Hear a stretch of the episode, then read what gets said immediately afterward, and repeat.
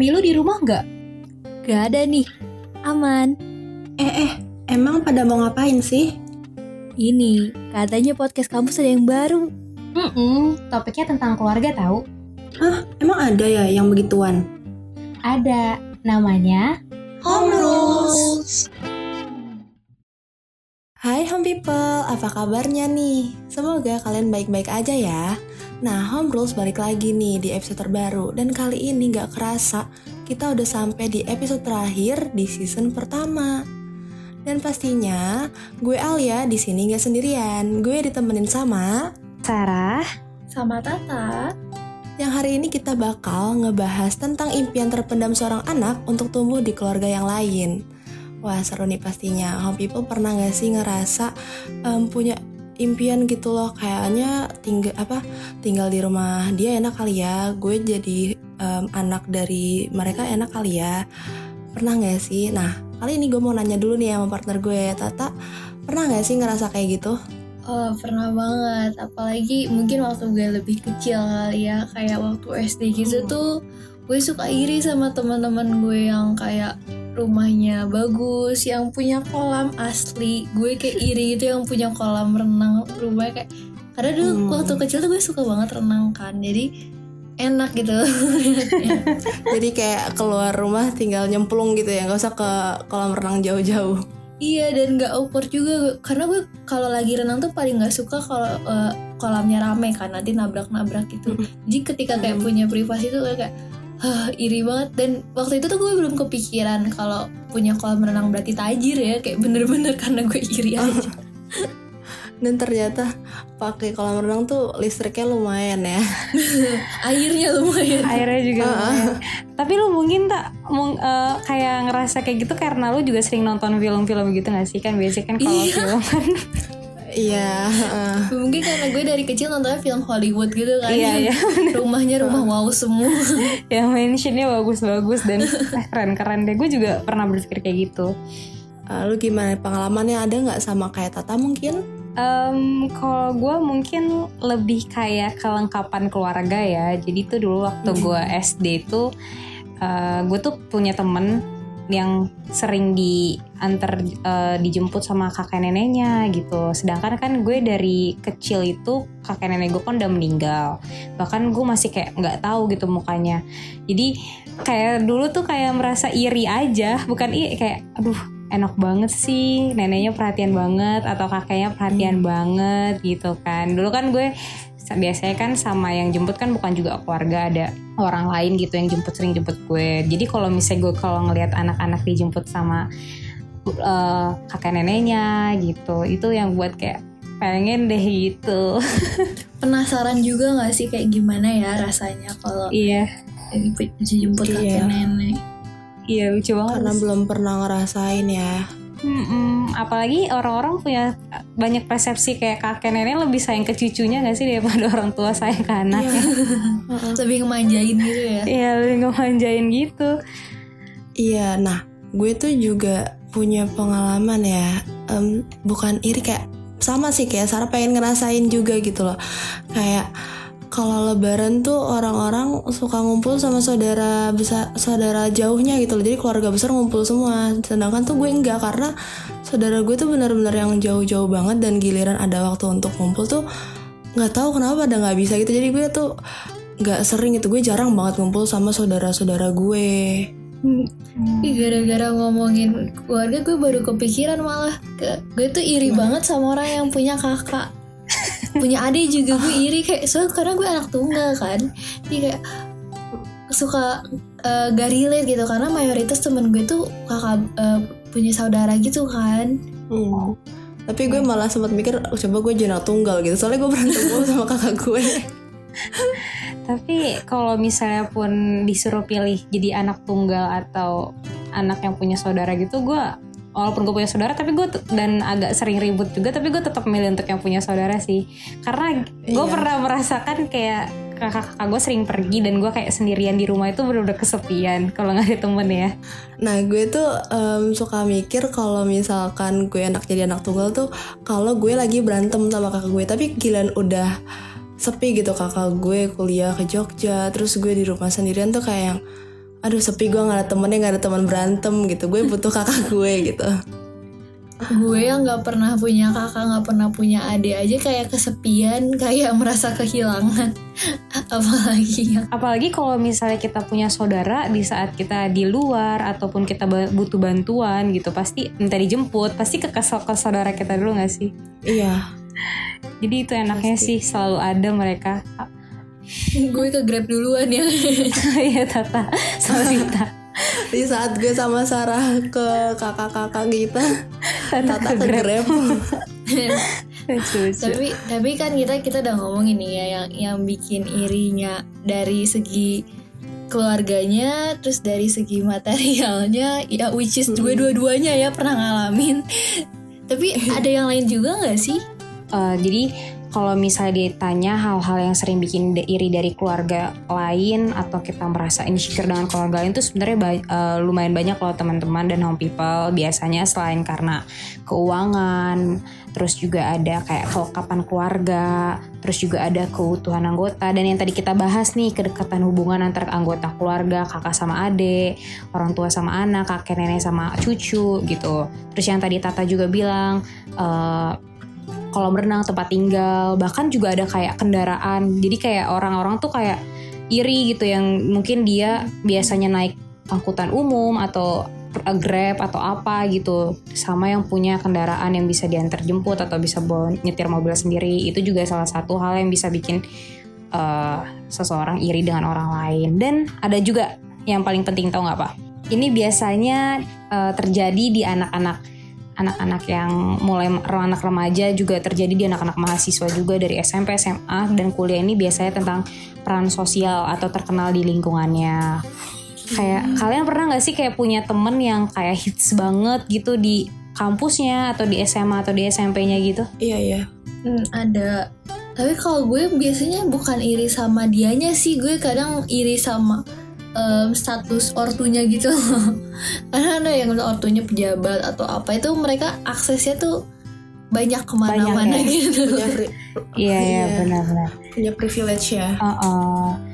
Dan juga biasanya orang-orang yang seperti itu lebih mudah diiniin loh. Apa sih maksudnya? Di di dimudahin segala sesuatu apa pun yang dilakuin. Tapi jangan salah juga biasanya orang-orang yang seperti itu juga banyak loh yang nggak suka, banyak loh yang ngejudge saking kayak iya. namanya orang iri sama orang. Padahal orang itu juga nggak nggak ngelakuin apa-apa ke orang yang iri, ke orang yang iri ini. Tapi dia juga dibenci gitu sama orang itu. Mungkin karena kecantikan atau karena hidup mewah dan sebagainya. Terus emang kayak lebih rawan juga gak sih? Kayak apa ya kalau misalnya udah dari terkenal gitu kan secara keamanan juga iya mungkin mereka lebih gak bebas lebih Mm-mm. terbatas mau ngapa-ngapainnya bener-bener kayak apa ya lo kalau lihat artis-artis gitu kadang ada sisi enaknya mereka juga tapi kadang kita mikir gak sih mereka juga ada sisi terkekangnya apa pun yang mereka lakukan itu jadi Oke. hal utama yang publik komentari, publik kritik gitu. Iya. Semuanya tuh di kehidupan dia terekspos gitu loh. Terus juga jadi dikomentarin orang terus. Mm-mm, bener. Apalagi banyak kan kasus viral di sosial media, banyak artis-artis yang padahal cuma melakukan kesalahan sedikit tapi langsung diomonginnya banyak gitu. Iya parah banget. Terus kadang gue kepikiran gitu kan kalau misalnya banyak kan orang suka kalau lihat kayak youtuber atau em, artis-artis yang kaya banget gitu suka main adopsi aku atau kayak eh, angkat aku jadi anak gitu pada Iya. pada berharap seperti itu. Tapi kalau gue kok mikirnya gini ya, gue nggak mau loh jadi anak mereka karena ya gue mau nggak mau harus mengikuti lifestyle mereka yang bener tadi segala diekspos ke publik gitu. Bener. Jadi gue ngerasa kayak gue sendiri nggak punya em, eh, apa Privacy ya? keputusan gitu loh. Ya buat punya privacy. Kalau gue sih lebih kayak yang em, emang gue bakal bahagia gitu kalau misalkan gue jadi anak mereka. Sedangkan gue sini aja udah bahagia, tapi emang di sana tuh gue pasti bahagia dengan kehidupan yang kayak gitu. Gue lebih mikir kayak gitu sih. Hmm, iya iya. Ya bener banget. Ap- tapi ada juga loh eh, iri yang baik guys, tahu nggak sih kalian? Ada iri yang bisa menjadi motivasi. Kalau misalnya kalian sering lihat kayak artis-artis yang pinter-pinter, yang jago public speaking, gitu. Gue gue pernah merasakan yang namanya iri. Tapi bukan iri yang kayak gue pengen ngejudge dia, tapi gue iri yang kayak pengen jadi seperti dia. Itu juga banyak iri yang baik. Jadi macu gitu ya. Iya jadi motivasi. Kalian pernah nggak? ada juga gue itu pernah baca di mana di Twitter gitu ya masa ada orang yang eh, gue tuh iri sama siapa gitu terus motivasi gue adalah menjadi tajir supaya gue bisa menyekolahkan anak gue di sekolah internasional Banyak sih tuh di komen-komen tuh gue sering banget liat kayak gitu. candaan-candaan. Tapi semoga aja sih dari yang mungkin dari ada kan yang dari ketikan tiba-tiba benar kenyataan di twin dijamah kehokiannya. tapi sebenarnya yang yang patut dianggap iri tuh menurut kalian tuh kayak gimana sih kan tadi ada iri yang bagus ada yang nggak bagus kira-kira iri yang bagus bukan iri yang bagus yang bisa diiriin yang bagus tuh kayak gimana Mungkin menurut gue tuh em, dari iri yang bagus tadi tuh yang kita bilang. Jadi kayak kita iri, oh gue pengen kayak dia nih, dia keren, dia pinter. Nah itu jadi bikin macu kita, jadi motivasi kita biar kayak em, gue selebih dari dia gitu loh. Jadi bikin kita juga jadi orang yang apa lebih berguna gitu. Hmm, benar-benar.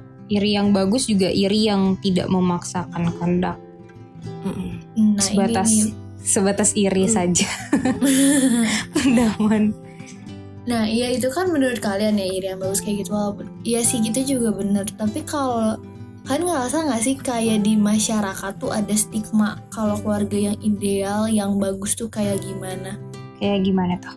Ini yang pertama ya biasanya tuh eh, paling utama tuh ini orang tuanya lengkap Eh, gue nggak ngejudge ya kayak emang eh, sesuatu tuh bisa terjadi dan itu sangat normal gitu ya cuman sekarang tuh masyarakat masih banyak yang ngelihat kalau misalnya anak-anaknya broken home atau misalnya ortunya nggak lengkap tuh wah ini ada sesuatu di keluarganya gitu padahal kan nggak selalu gitu ya kasusnya Iya benar-benar. Itu sering terjadi sih. Terus nih bisa aja ortunya lengkap. Tapi misalnya ortunya background pendidikannya nggak sama kayak rata-rata masyarakat gitu. Nah, itu kadang suka dipandang sebelah mata gitu. Padahal Iya. padahal kan bisa aja mereka suksesnya di yang lain. Kayak bahkan kalau kita lihat orang-orang sukses kayak Mark Zuckerberg gitu kan mereka nggak sampai lulus kul- kuliah tinggi gitu. Tapi bisa tetap aja sukses. Iya benar. Eh, apa ya? Kayak sebenarnya juga jadi pandangan masyarakat yang biasanya ngelihat tuh orang itu dari eh, luarannya aja atau dari tampilannya aja. Banyak loh sekarang orang-orang yang mungkin tidak lancar pendidikannya tapi dia mempunyai pekerjaan yang bagus dan dia berpenampilan sederhana tapi pas dilihat dia ber, karena dia penampilan sederhana dikiranya dia bukan orang yang berada terus di di judge atau dipandang sebelah mata gitu. Iya, mungkin kayak walaupun misalkan ya ada orang tua yang pekerjaannya apa ya kurang gitu loh atau pendidikannya nggak setinggi orang-orang, tapi bisa jadi mereka tuh ngelahirin anak-anak yang pendidikannya tuh lebih tinggi, Nah, benar Nah, banget. bisa iya kayak banget. dicap gitu loh. Kan banyak tuh kan kayak em, gue tuh sering ngelihat kayak mungkin em, tukang beca anaknya sarjana, anaknya nah iya gue baru banget mau ngomong itu Heeh.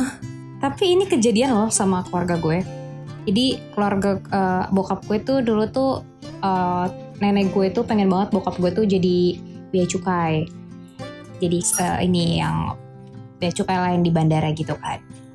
Tapi bokap gue emang dia nggak mau, bukan nggak mau sih, nggak lulus waktu itu dan juga eh, kurang mampu dulu untuk sekolah di bea cukai itu gitu, untuk masuk situ tapi karena doa nenek gue mungkin ya karena uh, dulu doa nenek gue dan akhirnya nenek gue bilang ya udah kalau kamu nggak bisa masuk uh, lulusan bea cukai uh, saya pengen nanti cucu saya ada yang masuk bea cukai. Eh dan ke terwujud abang gue sekarang masuk bea cukai gitu. Jadi kayak agak real agak ini sih agak relate relate gitu sih sama yang kita topik kita ngomongin ini. Nah itu bisa banget tuh. Hmm, mungkin buat statement berikutnya ini bakal agak kontroversial karena stereotip ini lagi lagi dilawan banget. Bukan dilawan sih lebih kayak mulai berubah. Itu statement keluarga yang ideal itu ibunya baik hati terus pandai ngurus rumah. Nah, aduh itu Itu kayak udah nggak lagi deh. aduh males deh kalau udah ngomongin kayak gitu kenapa harus ada statement seperti itu ya Iya, padahal kayak mungkin em, ibu rumah tangga mungkin maksudnya gini-gini. Maksudnya tuh bu- bukan kayak wanita karir gitu. Terus nggak ngurus rumah itu bukan ibu yang baik hati, kan enggak gitu. Padahal mereka juga ngurus anak, tapi kan mereka wanita karir nggak bisa disamaratakan. Iya banget, apalagi kita bertiga nih kan cewek ya Dan sekarang tuh kayaknya cewek yang keren tuh yang independen Yang udah Yes. bisa em, apa-apa em, menghasilkan sendiri gitu Walaupun gak jadi terpisah dari keluarganya. Gue tet- masih tetap pengen punya keluarga yang kayak deket Yang gue yang ngurus gitu-gitu. Tapi gue tetap punya mimpi Kalau gue pengen punya bisnis sendiri Gue pengen bisa sukses.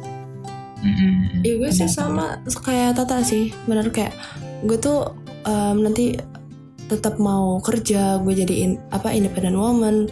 Tapi juga deket sama keluarga. Anak-anak ya sama suami tetap ngurus ya. Iya pasti banget. Malah kalau misalnya gue dari sampai dari gue kecil diajarin orang tua gue juga kamu harus bisa uh, nanti kalau misalnya punya suami kalau bisa mempunyai pekerjaan dan menghasilkan keuangan buat diri kamu sendiri gitu. Karena realita realis, realistisnya gini deh ketika lo pengen ngasih uang ke keluarga lo lo nggak mungkin selalu minta sama suami lo kan pasti kita harus punya penghasilan sendiri buat kita meng- bukan bukan menghidupi diri kita tapi buat apa ya? Buat pegangan kita. Karena kita nggak tahu ada Hmm. apa-apa yang terjadi sama nanti Mm-mm. keluarga kita atau segala sesuatu kan bisa terjadi. Manusia kan nggak selalu di atas gitu. Ada kadang-kadang kita juga jatuh gitu. Dan kita bisa ngebantu kalau misalnya kita punya pekerjaan dan punya penghasilan sendiri. Iya dan kita tuh nggak bisa bergantung terus sama orang lain. Yes benar. Setuju, setuju banget. Buat yang terakhir nih, eh, stigma masyarakat tentang keluarga yang ideal tuh, anak-anaknya nggak nakal, terus nurut. Hmm, ini menarik nih. wow Jujur gue bingung deh, emang ada ya keluarga yang anaknya nggak pernah nakal gitu? Mungkin kalau nurut gue ngerti. kalau nurut masih agak ini ya Karena nakal tuh menurut gue bukan em, sikap doang gitu ya, bukan tapi bisa juga fase aja gitu. Apalagi kalau remaja gitu kan emang fasenya lagi pada pengen memberontak, mencari jati diri. Cuman dicapnya aja nakal gitu. Mm, mm, mm, mm. iya jadi kayak anaknya nakal nih misalkan eh, tetangga lihat ih anaknya nakal itu ibunya ngurusnya nggak bener pasti banyak yang kayak gitu kan padahal ya cuma lagi fasenya aja itu anak-anak lagi nakal gue tau loh kayak eh, ada beberapa keluarga yang ortunya tuh sebenarnya menurut gue parentingnya bagus banget karena mereka ngebiarin anaknya tuh mengeksplor diri mereka gitu. Kayak istilah mau di, eh, dibiarin ngelakuin hal-hal yang tanda kutip bandel gitu ya. Tapi tetap eh, diawasin karena dengan mereka membiarkan mereka nggak ngekang gitu itu mah anaknya jadi lebih percaya sama ortunya terus bisa cerita-cerita gitu jadi walaupun bandel tuh masih tetap kawasin sedangkan gue tahu anak yang kelihatannya baik-baik nih ya nggak nakal itu tuh malah kadang lebih nakal dibandingkan yang Nah. image-nya bandel Iya.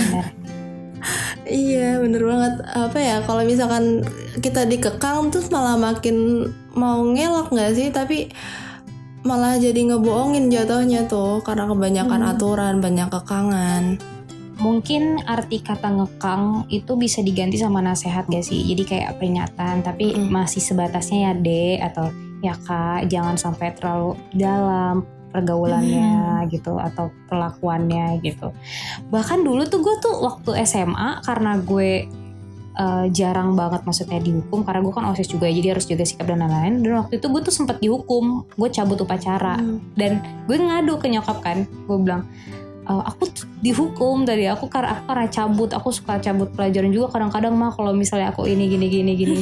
Yang gue pikirnya tadi bakal nyokap gue kayak eh kamu kok gitu sih gini? Ternyata nyokap gue kayak ya udahlah nggak apa-apa orang namanya juga kamu SMA masih ada masih iya itu tuh yang buat iya yang seru sih. seru gak sih? Yang buat kita kayak Heeh. "Ah, ah, ternyata nyokap gue nggak segalak atau nggak yang gue pikirin gitu. Ternyata gue masih bisa Iya. ngeksplor diri gue sendiri.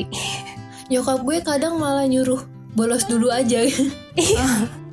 Bener-bener. Apalagi pura-pura dijemput. Pura-pura dijemput di sekolah atau tempat les. Gue sering banget sih kayak gitu. Ya jadinya kan kalau misalkan orang tua tuh apa ya nggak terlalu banyak aturan gitu nggak terlalu neken kita jadi kita tuh kalau ada apa-apa bilang. Kita nggak sungkan untuk ngasih tahu nggak sungkan Iya. untuk cerita. Nggak bohong gitu. Mm-mm. Karena yang gue pikirin juga sebenarnya kita mau gak mau itu kita harus tahu juga dunia luar dunia kenakalan anak-anak. Karena kalau misalnya malah banyak yang terjadi anak-anak dikekang seorang anak yang nggak bisa ke mana-mana nggak bisa ngeksplor ketika dia ada cobaan atau godaan itu dia malah ngikut. Tapi kalau anak-anak yang udah tahu nih dunia Oh. luar udah tahu ini seperti ini seperti ini jadi tahu membatasi diri dia karena nggak punya prinsip gitu ya cuman ngikut nurut sama ortunya doang tapi Mm-mm. dia sendiri nggak punya prinsip gitu kan Bener banget. Apalagi gue sebel deh kalau misalnya ini di luar ini agak ini yang tadi pembahasan kita yang tetangga-tetangga. Ini gue juga agak sebel sama tetangga-tetangga yang kayak mikirnya kalau misalnya ada uh, anak pulang malam atau sama temennya malam baru pulang gitu. Terus langsung kayak dijudge dan lain-lain itu gue sebel banget sama tetangga-tetangganya seperti iya itu. padahal tuh mereka nggak tahu kita ngapain Iya kan bener kan? Tahu gak sih zaman zaman awal ada eh, ojek online gitu gitu. Tapi kan kalau dulu tuh orang mereka belum pada pakai jaket itu kan karena banyak masalah. So ada yang gue pernah gue pernah lihat meme, meme yang atau orang cerita gitu ya, dia itu tiap hari pulang malam eh, cowoknya ganti-ganti. Oh, iya. Ojek. Oh iya gue pernah pernah pernah Iya, baca. gue pernah baca juga itu lucu sih Tapi juga itu stereotype. salah. Itu lah kalau ibu-ibu tetangga-tetangga yang nggak ngerti anjir. iya langsung ngecap aja jelek gitu ngomongin tadi stigma masyarakat sebenarnya apa sih guys gue masih bingung sebenarnya tuh aspek-aspek yang penting yang keluarga ideal yang sebenarnya kayak ideal nih yang bagus nih keluarga yang rukun bagus dan sebagainya macam itu sebenarnya perlunya apa gitu aspeknya Hmm, dilihatin dari apa? Mm-mm. gue ada nih aspek-aspek yang paling penting buat keluarga nih. Nih yang pertama itu kalau apa agama. Pasti itu penting banget kan? Kita dari kecil pasti pertama tuh diajarin agama kita diajarin mungkin ya kalau Islam diajarin sholat pasti sama orang tua. Itu penting banget agama untuk em, kita ke depannya kan pasti pegangannya agama. Hmm, benar-benar banget. Nah terus nih, yang kedua tuh ada keuangan. Seenggaknya tuh cukup lah untuk em, biaya hidup keluarga karena em, pasti kita di sini hidup kan pakai uang ya. Kita beli makanan pakai uang pasti tuh keuangan penting banget dalam keluarga. Nah Pasti. terus eh, hubungan dengan keluarga besar yang baik. Pastinya kita harus baik ya sih sama keluarga besar kayak nggak bisa musuh-musuhan karena kita juga apa ya perlu banget gitu loh sama keluarga besar kali aja mereka bisa bantu kalau misalkan keluarga kita ada kesusahan Hmm, apalagi di Indonesia tuh kan kultur silaturahminya tinggi banget ya. Makanya Mm. kayak ada kalau lebaran tuh ada mudik, ada apa sih yang ngunjungin saudara-saudara gitu. Dan kalau Iya, bisa kayak kegiatan-kegiatan lain kayak em, apa Chinese New Year juga kan biasanya ngabisinnya bareng sama keluarga gitu. Iya benar mungkin kalau misalkan lagi pandemi gini kan jauh mungkin nggak bisa mudik. Bisa banget tuh kayak video call kali ya. Kita silaturahmi lewat video call. Wah ya benar banget sih. Nah terus selanjutnya tuh ada hubungan dengan sosial masyarakat yang baik.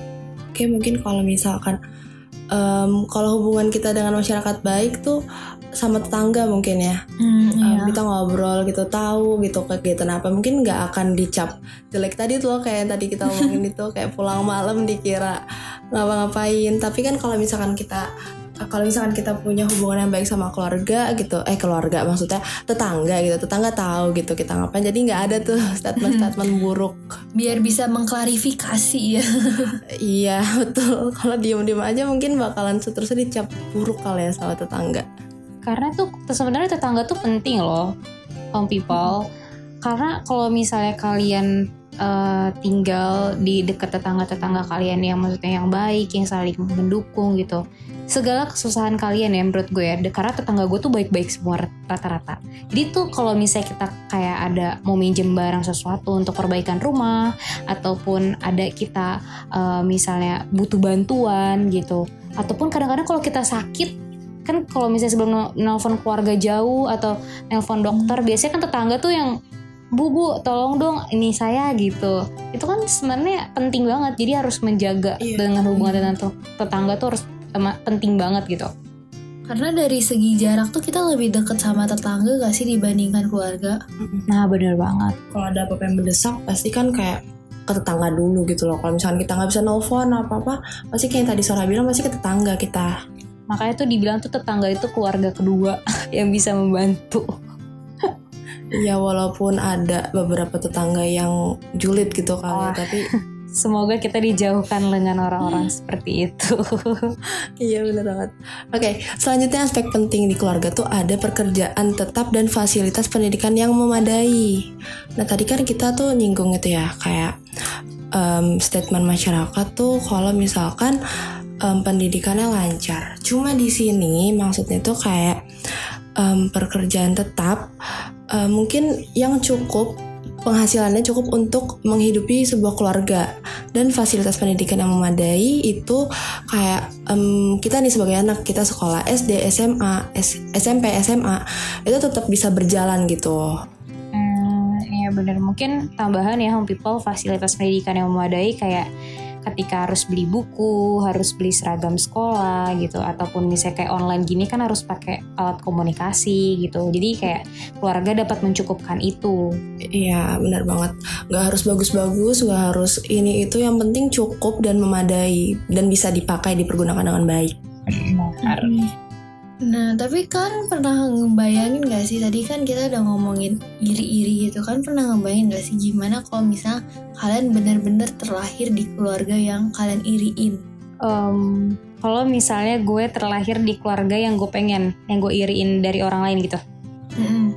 apa ya gue gimana ya karena menurut gue sekarang pun hidup gue itu gue udah keluarga yang gue inginkan gitu Iya iya iya. tapi kalau misalnya pun ditanya seperti itu dan memang harus gue jawab mungkin ya gue merasa bersyukur merasa senang merasa bahagia berarti tandanya emang uh, gue gue dia gue bersyukur nih sama Tuhan gue dilahirkan di keluarga itu Iya. Ya sebenarnya kan kita juga nggak tahu ya bisa aja sebenarnya keluarga kita yang sekarang tuh keluarga yang pernah kita iriin gitu iya bener. karena Iya.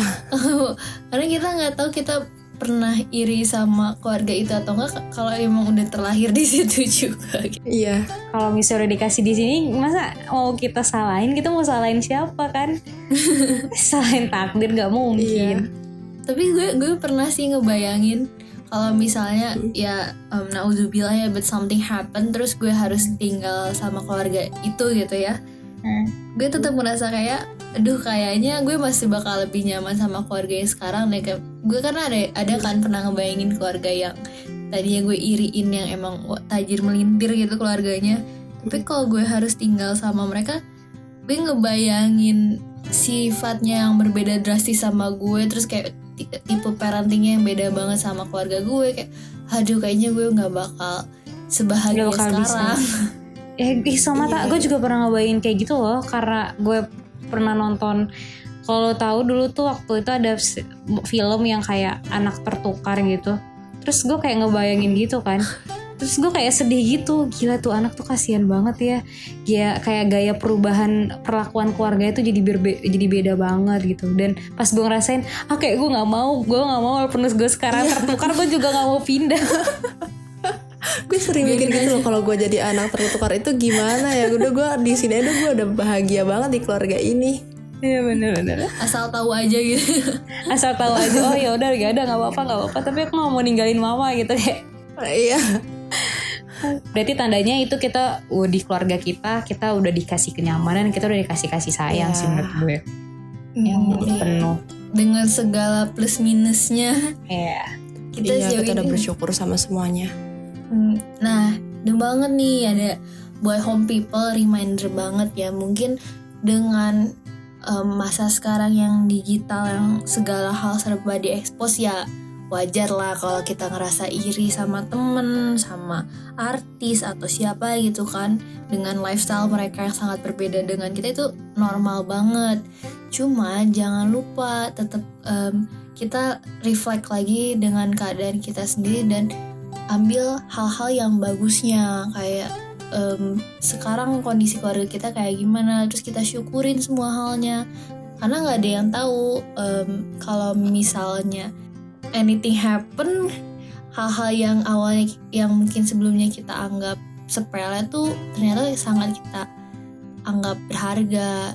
Dan ini tuh keluarga kita yang sekarang tuh itu udah anugerah dan em, anugerah sekaligus tantangan terbaik yang dikasih Tuhan Mm-mm, benar banget. Iya benar banget tuh. Kita nggak ada yang tahu kan, mungkin keluarga kita yang diiriin sama orang. gitu. Jadi jangan sampai berpikir kayak keluarga kalian gak, nggak sempurna atau keluarga kalian kurang.